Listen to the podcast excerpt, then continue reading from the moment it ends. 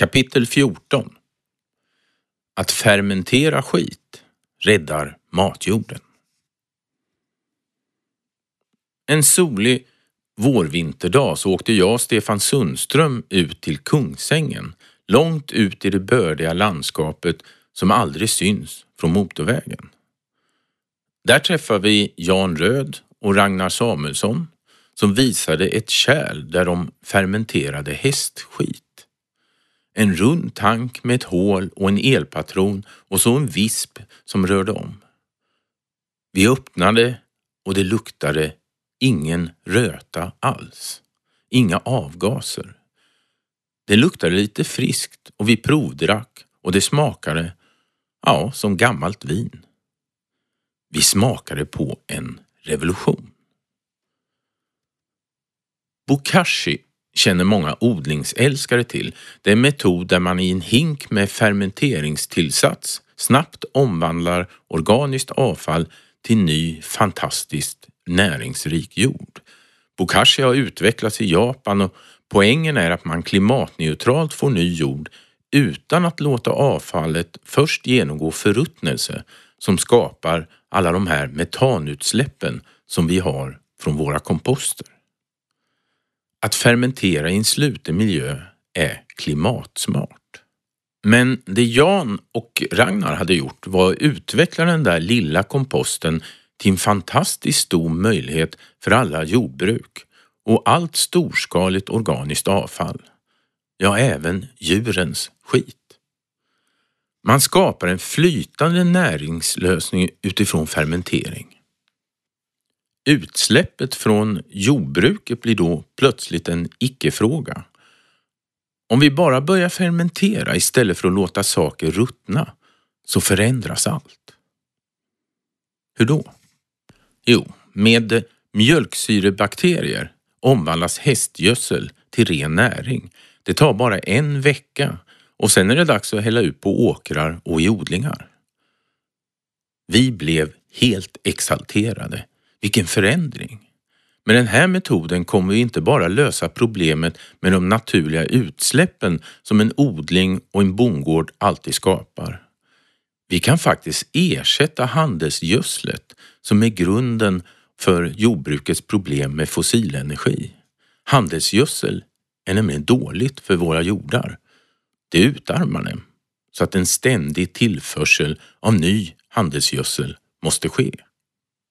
Att ta fram klimatpositiv näring på det här sättet är lite grann som att sätta upp solceller. Man flyttar produktionen av energin och näringen direkt till där den ska användas. Vi flyttar alltså makten över gödsel och näring till odlarna själv. Och vi får jorden att växa. Matjorden alltså. Det här är ett av våra riktigt, riktigt stora problem i klimatkollapsens skugga. Matjorden blir mindre och mindre. Den utarmas och det som saknas är ett levande mikrobiologiskt liv som är grunden för allt levande. När man fermenterar avfall så låter man en fermenteringslösning bestående av mikrober som är helt naturliga jobba med energin som finns i själva avfallet. Det är därför det bildas metan när du låter det ruttna i en kompost. Energin går ut i luften.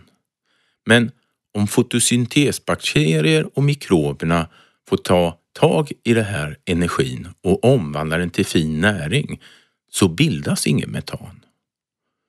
Och där kommer klimatrevolutionen. Fotosyntesbakterier binder koldioxid. Det betyder att när vi sprider näringen på marken så binds växthusgasen ner i själva jorden.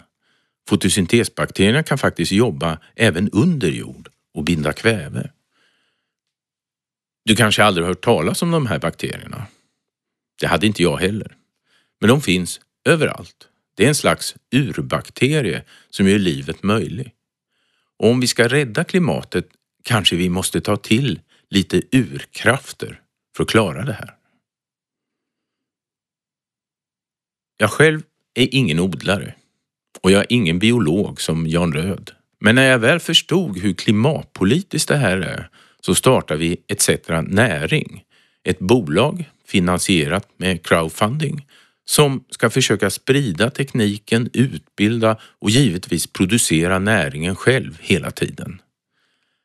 Det här är lika stort som de solceller vi har spridit. Min dröm är naturligtvis att det här ska bli mer av en rörelse än ett företag. För Det finns inga patent i det här. Alla kan göra det. En jordbrukare kan själv få fram egen näring för en liten investering på kanske 50 000 kronor. Har man till exempel rent hästgödsel är det plötsligt guld värt istället för ett problem. Vi har ju som sagt fler hästar än kor i Sverige så avfallet från hästarna är enormt. Men man kan givetvis fermentera växter också. Det är sånt här som gör att jag själv känner hopp. Det finns lösningar och de kräver varken statlig omreglering, gigantiskt finanskapital eller en ny teknik. Det kräver bara kunskap och en vilja hos väldigt många människor att börja använda den. När man tillför näring till jorden så ökar det mikrobiologiska livet. Du kan få förstörd jord att leva igen. Mikroorganismerna binder växthusgaser och växterna får hjälp att ta upp mera näring. Det finns fina resultat från provodlingar och det är självklart den här näringen vi själva använder för att mätta vår biokol med och använda i våra växthus. Tomaterna jublar. Hur mycket växthusgaser handlar det då om? Ja, där är ju forskningen inte i fatt. Det finns studier som visar att man med mikroorganismer kan binda och förbättra jorden så att den faktiskt växer och kan lagra mycket mer. En ökad lagring med bara en halv procent per år betyder att alla utsläpp vi skapar kan återtas till jorden om all matjord har sån här fermenterad lösning.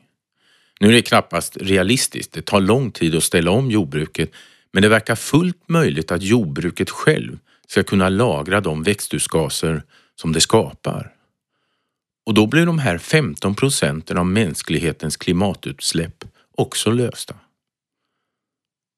Så vad står då i vägen? Ja, det är som med det mesta som är bra.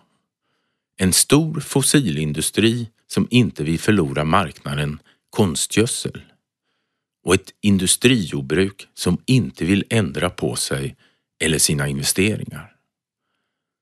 Men liksom solcellerna och biokolet handlar det inte om att vänta på att de med makt agerar. Det är bättre att sätta igång själv.